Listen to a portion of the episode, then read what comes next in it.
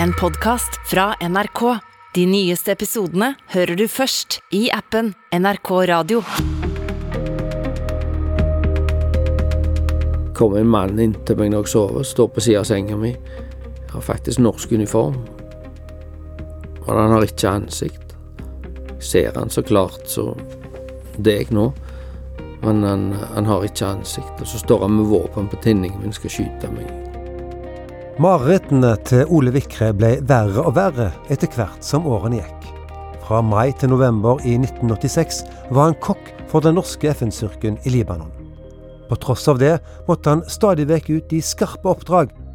Jeg tror nok at vi sov litt på otten, som vi sier, og du slapp nok aldri helt av. Sant? Du hadde klærne dine klar rett ved siden av senga. AG-en med skudd i magasinet hadde du rett ved siden av senga di, sant? og du, du, hadde jo skarpe skudd på deg hele tida. Du var jo alltid klar. Dette er Øyeblikket. Mitt navn er Gisle Jørgensen. Etter andre verdenskrig har over 100 000 norske kvinner og menn tjenestegjort i internasjonale operasjoner i over 40 land.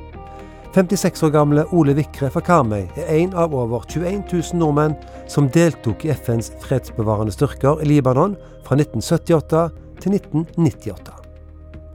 Ole Vikre er full av eventyrlyst etter å ha gjennomført førstegangstjenesten, og søker seg derfor til Libanon våren 1986.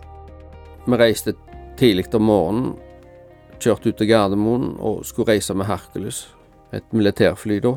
Der er der sånn tøyseter som i en gammel buss, og det var ikke særlig behagelig å sitte der. Nå husker jeg ikke akkurat hvor mange timer vi brukte, men det var ganske lenge. Herkulesen bråka noe voldsomt, så du må sitte med hørselvern og sånt. Så det Og så, når vi kom over Israel og skulle lande, så, så fløy vi høyt, og så Plutselig så stupte flyet ned, fordi at de, de skulle lande på en militær flyplass, og at, fordi at de ikke skulle bli, bli skutt, så måtte vi fly på en spesiell måte. Da hadde du vondt i hodet, vondt i ørene, fordi at flyet fløy så fort ned. En brå start på oppholdet? Ja. Når jeg tenker på det, så kjenner jeg den følelsen i kroppen ennå. Kjenner nesten Jeg kan holde meg for ørene. Det var, det var skikkelig vondt i ørene.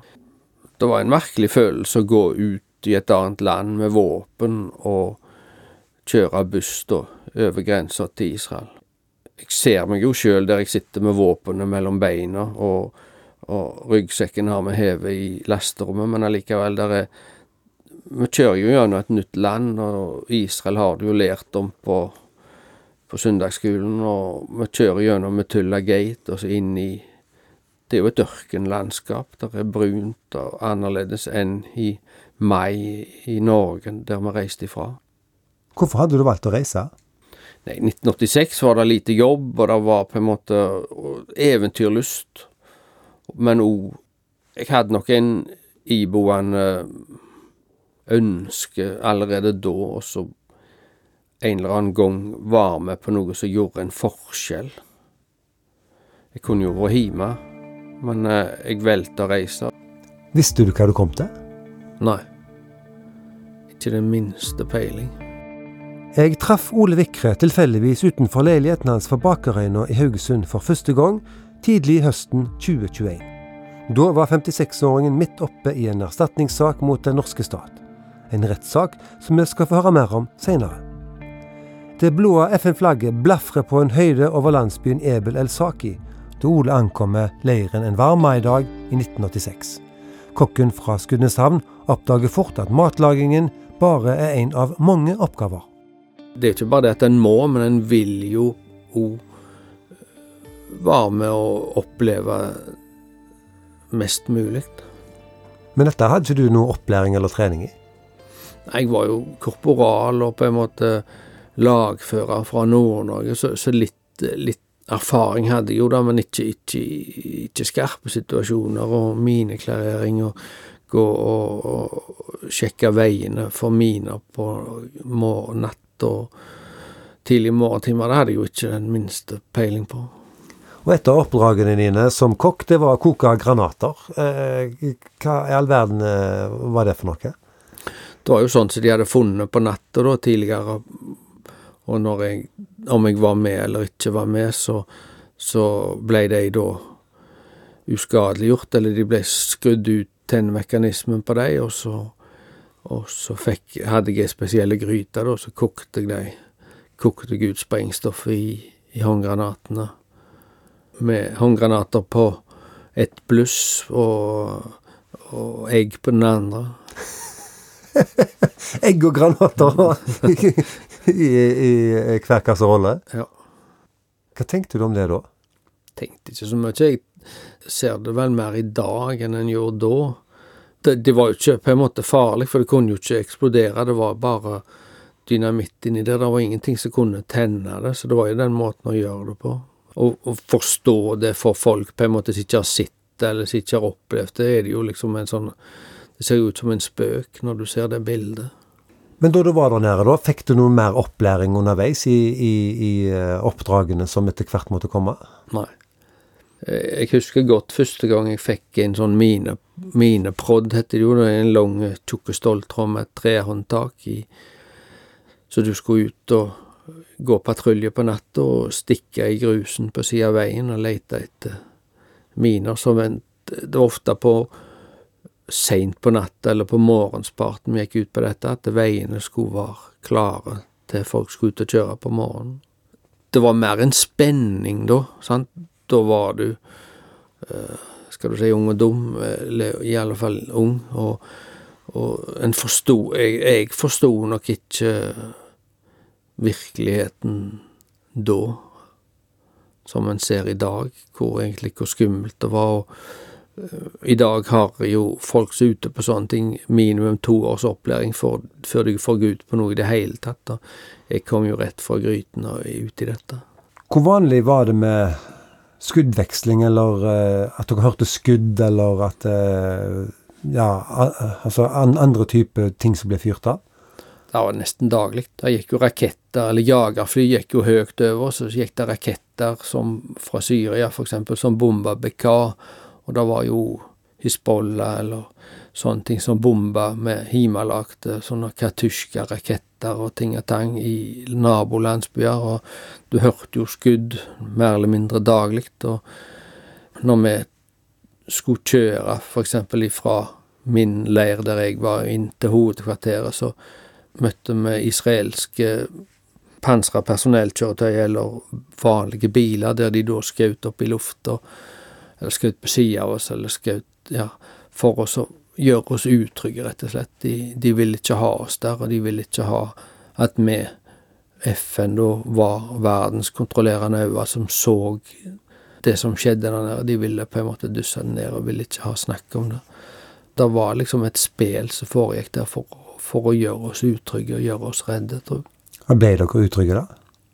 Ja, du, når du da satt på lasteplanet på bilen og skulle av gårde, det ble skutt i lufta eller på sida av deg, så visste du ikke om vi ble beskutt, sant? så da måtte vi jo på en måte legge oss ned eller søke tilflukt bak uh, styrhuset på, uh, på bilen, sant, eller så, så, så det, var ingen tvil om at det gjorde oss utrygge. Vi hadde jo flere ganger der vi måtte gå i uh, skyttergroper der israelske tanks og større kjøretøyer prøvde å presse seg inn i leiren. Om de helt ville inn i leiren, eller om de bare ville uh, gjøre oss utrygge med oss og stille seg opp foran der og peke på oss med, med skytevåpen og kanoner på tanksen og sånne ting. Så, så de ville gjøre det utrygt og gjøre det vanskelig, vanskelig for å gjøre den jobben vi skulle, og gjøre det vanskelig for oss å være der i det hele tatt, ja. Mens Ole var i Libanon i 1986, opplevde FN-styrken Unifil sitt verste år, der soldater fra flere nasjoner ble drept, enten av veibomber eller i skuddvekslinger. Det er borgerkrig. Nabolandene Syria, Iran og Israel har tatt kontroll over deler av landet. Hovedstaden Beirut er delt mellom en kristen og en muslimsk del, og det er snikskyttere på begge sider. Samtidig vokser Hizbollah fram, og antall selvmordsaksjoner med bomber øker. Krigen kommer tett på FN-soldaten Ole, som opplever flere episoder han har vansker med å forstå i dag. Det husker jeg ikke før jeg sto der. Om jeg da hadde drømt Eh, men det var ting som skjedde den natta og kvelden, da, så jeg ubevisst så sprang jeg ut. Og så fant meg sjøl i, i skyttergrop med, med agen i bokseren. Har du noen forklaring på hvordan det kunne skje?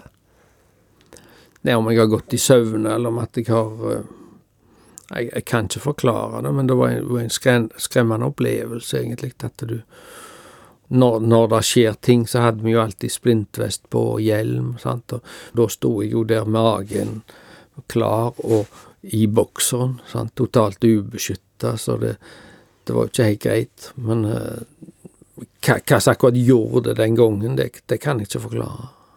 Men var det et sånn første signal på at alt ikke var helt som det skulle være?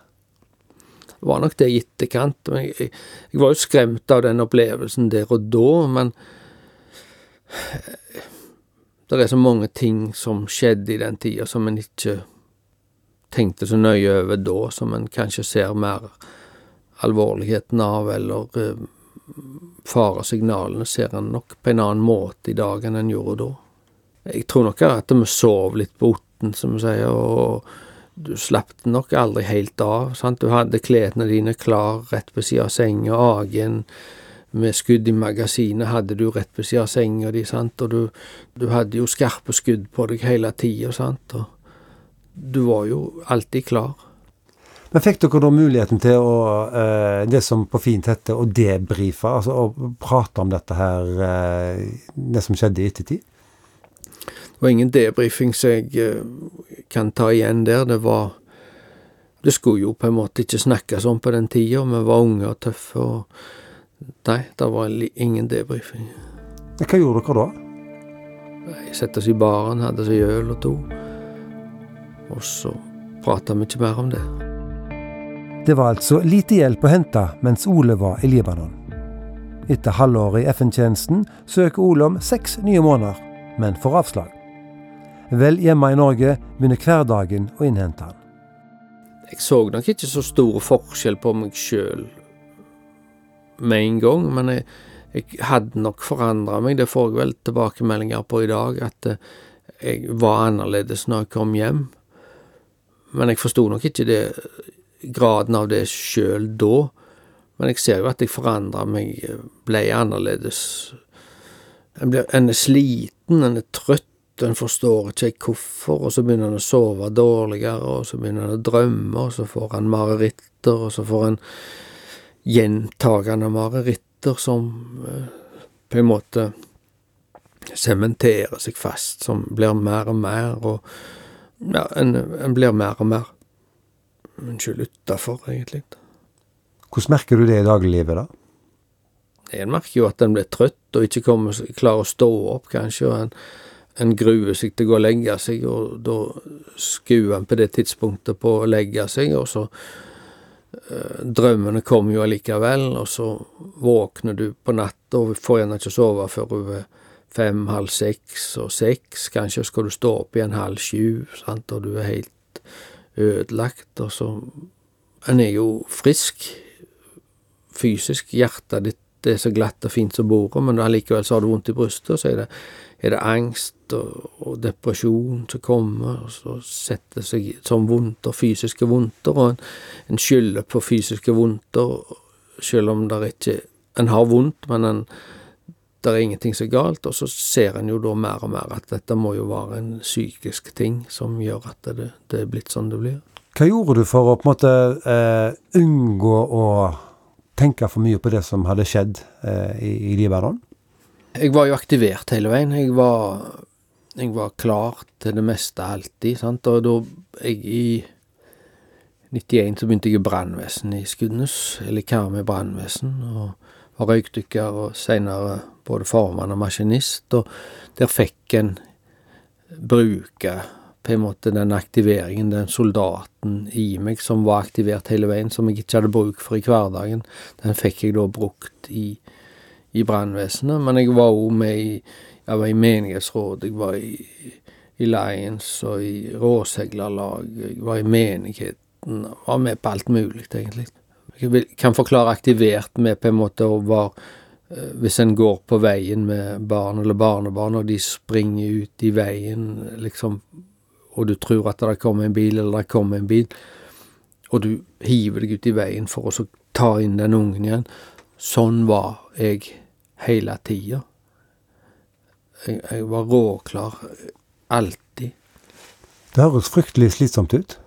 Jeg skjønner det er slitsomt, og da, når du er da aktivert og er klar alltid, så, så blir en sliten, en trenger søvn, og når en da ikke får sove, så blir det jo helt Det blir gale alt. Du har fortalt om, om, at nettene er vanskelige, lite søvn og mareritt. Hva, hva går marerittene ut på?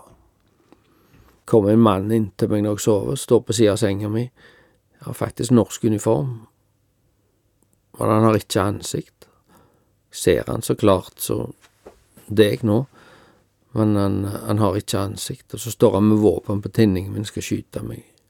Han har vært der i flere år, og ofte nesten hver natt, men han har blitt litt sjeldnere han kommer nå. Har prøvd å ufarliggjøre han på en måte, og le litt av han, og på en måte ta etter han når jeg våkner, på en måte, og så ufarliggjøre det litt. Og ingen av de i ekspertisen som kan forklare hvem han er, eller hvorfor han er der. Men det som vel er blitt, om ikke best forklart, men i alle fall som virker mest logisk, det er at det er den at det er meg sjøl som står der, at det kan være den suicidale meg som står der sjøl. Men så nå kommer det òg netter der han ikke kommer, men da kommer far min, og han hadde jo vært død i ni-ti år da. Og far min ser god så klart som dagen, og han sier at det, det er bedre jeg skyter deg enn han. Og så spør jeg faren min da i drømmen hvorfor er det bedre at du skyter meg da enn han. Og Da vil han ikke svare. Han får bare en sånn Han bare rister på hodet. Han vil ikke svare meg. Nettene er prega av mareritt og dårlig søvn. Om dagen er Ole det han kaller aktivert. Samtidig skal det lite til før krigsminnene gir utslag på andre måter. Minner du har og jeg har, blir feida eller blir gråere etter hvert som årene går. Men traumer, på en måte krigstraumene mine, de blir på en måte sveiste som ei CD-plate som ligger løst inni her, som jeg ikke kan kontrollere. Så hvis det er et eller annet som trigger den plata til å sette spille, så har det hendt flere ganger, spesielt når jeg har gått på Hardangervidda eller på fjellet, der det har blitt skyting, raketter, lik det er akkurat som på film. Du ser det, og du hører lyder, du kjenner lukter. Så må du bare på en måte hive deg bak en stein og holde deg på over, gjemme deg. Fordi at det, det, er så reelt. Det er jo sånne ting som vi andre ikke kan skjønne. Ja, ja. Og jeg har ikke kontroll på når den på en måte den plata setter i gang. Det kan skje hvor som helst. Den kan gå en tur med andre folk, så Plutselig så ser en at det er Hvis jeg går tur på kaien, så kan jeg se snikskyttere på taket på et hus der borte. sant? Så, så det, det, er skummelt. Da må du bare gjemme deg til den der er over. Du klarer ikke å stoppe den seansen heller. Du er der. Hva gjør du for å håndtere dette her? Der og da kan jeg ikke gjøre noen ting for det går over.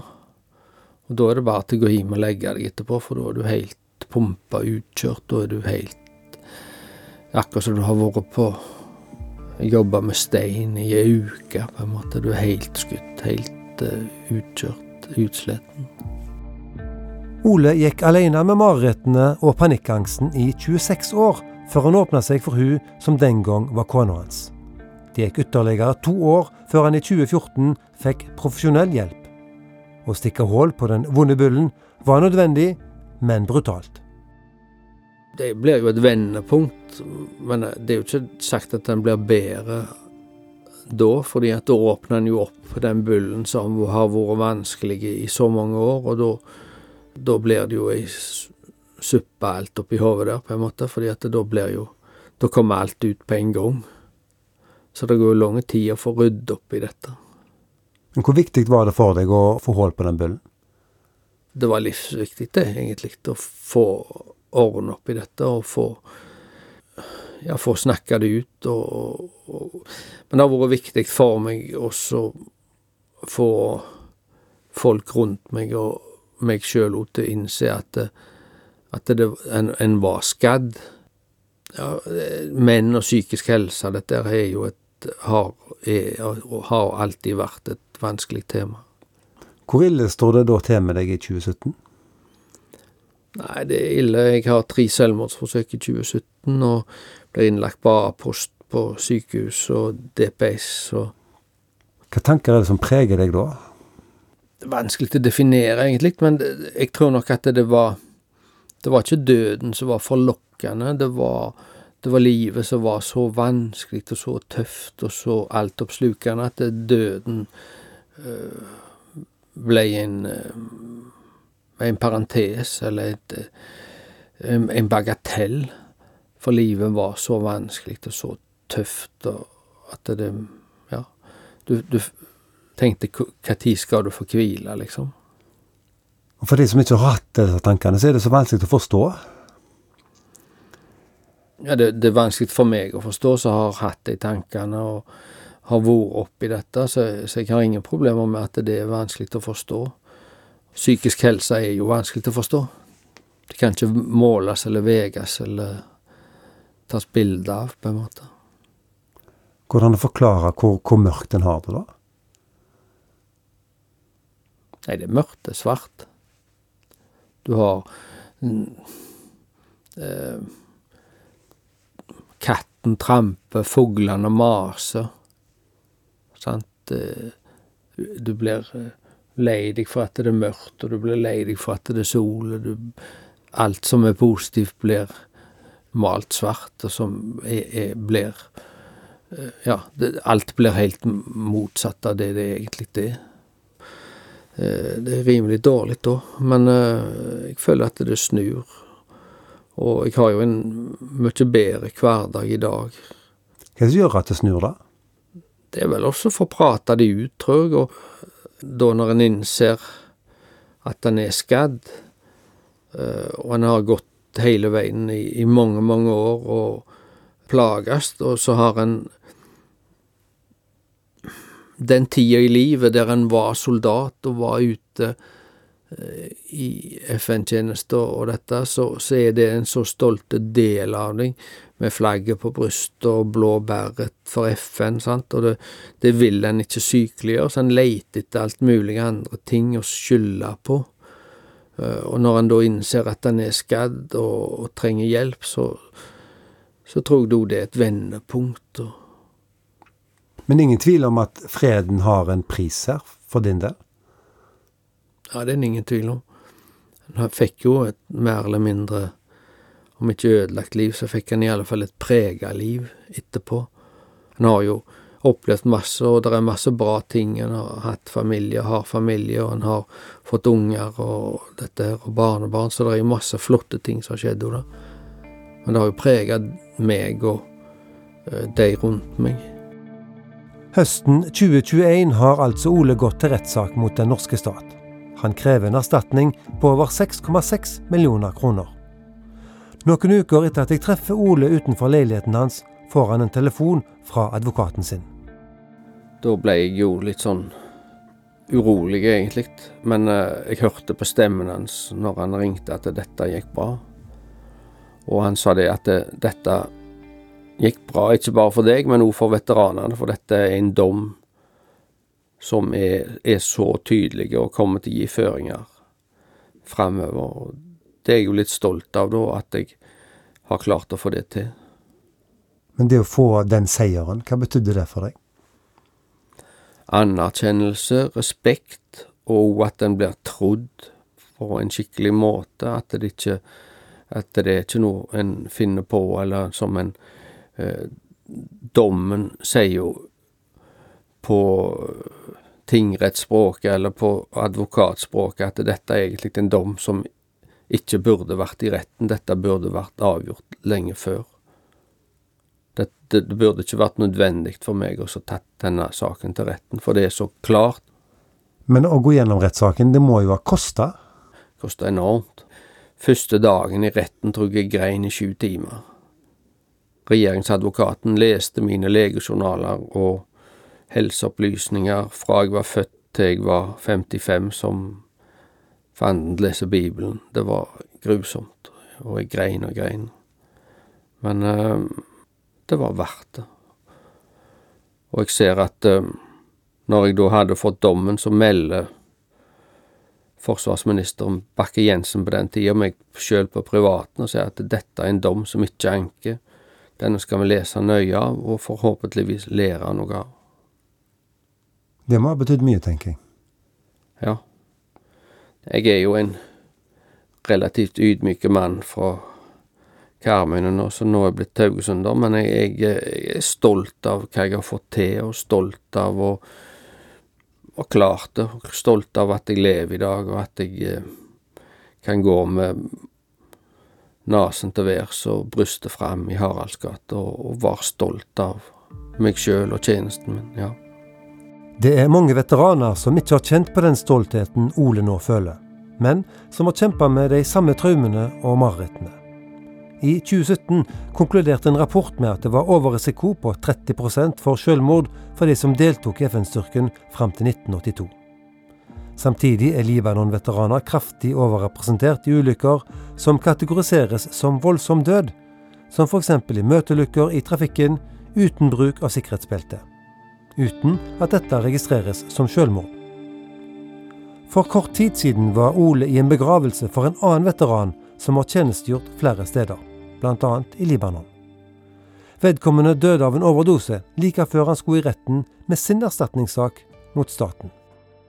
I uh, eh, 2020 så vet jeg det var tolv stykker som jeg vet om fra lille julaften til påske som tok livet av seg, og det syns jeg er skremmende tall. Hva forteller egentlig det? Det forteller jo at det, det er mange som ikke orker den kampen som en må ta i dag, både for å overleve og for å kunne klare å slåss med Nav, f.eks. For, for å få et verdig økonomisk liv, eller for å slåss med SPK, staten, for å få den erstatningen en har krav på. Så det, det er mange som tar livet av seg. Frykter du at det kommer nye bølger med veteraner som eh, kom opp i samme situasjon som deg? Ja, det er ingen tvil om at det kommer. Både fra Somalia og, og, andre, ikke minst på Balkan og Afghanistan, så er det, der kommer mange, tror jeg, i framtida. Uh, en ser jo vel i dag at det, det er Libanon-veteranene som sliter mest nå, og de fra Afghanistan mange. Men det kommer til å komme ei bølge, tror jeg. Mange framover. Hva bør samfunnet og, og staten gjøre for å være forberedt på det? De bør i alle fall ikke la veteranene stå i, i kø i årenes år for å få de erstatningene en har krav på, å få de, den oppreisningen og dette. Og jeg ser jo at med I Amerika, hvis de ser tatoveringene mine eller ser capsen min med veteran på, så kommer de bort til meg og takker meg i hånden og you for your service'. sant? Blir takka og blir eh, anerkjent for det vi har gjort. I Norge der blir en ofte en belastning, føler jeg. Å leve er å ha mange øyeblikk. Det sitatet er henta fra tidligere biskop Rosemarie Køhns bok 'Håpstreet'. Ole Vikre har mange øyeblikk han på sett og vis gjerne skulle ha vært foruten. Samtidig er han glad for mye av det han har opplevd. Som f.eks. i vår, da han holdt tale på 17. mai etter morgenprosesjonen. Det er jo litt stas å henge medaljene på brystet og gå til byen på 17. mai. Det syns jeg er flott, og jeg er stolt av meg sjøl og stolt av landet mitt og stolt av byen og stolt av alt, egentlig, når jeg går til byen. Jeg blir møtt med fiskerne av 17. mai-komiteen og går i morgenprosesjonen opp til til Ludolf Eides plass, og holder talen min da klokka ti på åtte om morgenen 17. mai. Hvordan var det å holde den talen? Det var flott og stort. Jeg var ikke nervøs. Jeg ble vel litt sånn tom etter på talen, men det var masse folk. Enorme folk der oppe. Det var stille når jeg talte. Du kunne ikke høre en lyd. Det er jo nære å holde tale på 17. mai, eller holde tale generelt, men akkurat der og den dagen så var det fantastisk. Og Jeg la jo ned en krans på minnesmerket oppe, og det var sterkt. Hva tilbakemeldinger fikk du til talene? Bare positive tilbakemeldinger. Det var en jeg snakket med, jeg tror han var i 17. mai-komiteen, og sa det at jeg har hørt mange taler, jeg har vært med på mange ting, og, men jeg har aldri grenet før. Og det har jeg gjort i dag, når du holdt talen, og det, det syns jo jeg var en god attest. For deg da, som gjennomførte dette, eh, handler det òg litt om mestring for din del? Selvfølgelig. Mestring er en ting som jeg eh, jakter hver dag. For jeg ser at eh, mestring er viktig om du er tre år, eller fem år, eller 13, eller 50, eller 70. For det, det hjelper deg til å, å ja, klare hverdagen og klare ting. Og når du ser at du mestrer ting, så blir du sterkere og flinkere og bedre i i hverdagen. Blir det lettere å leve?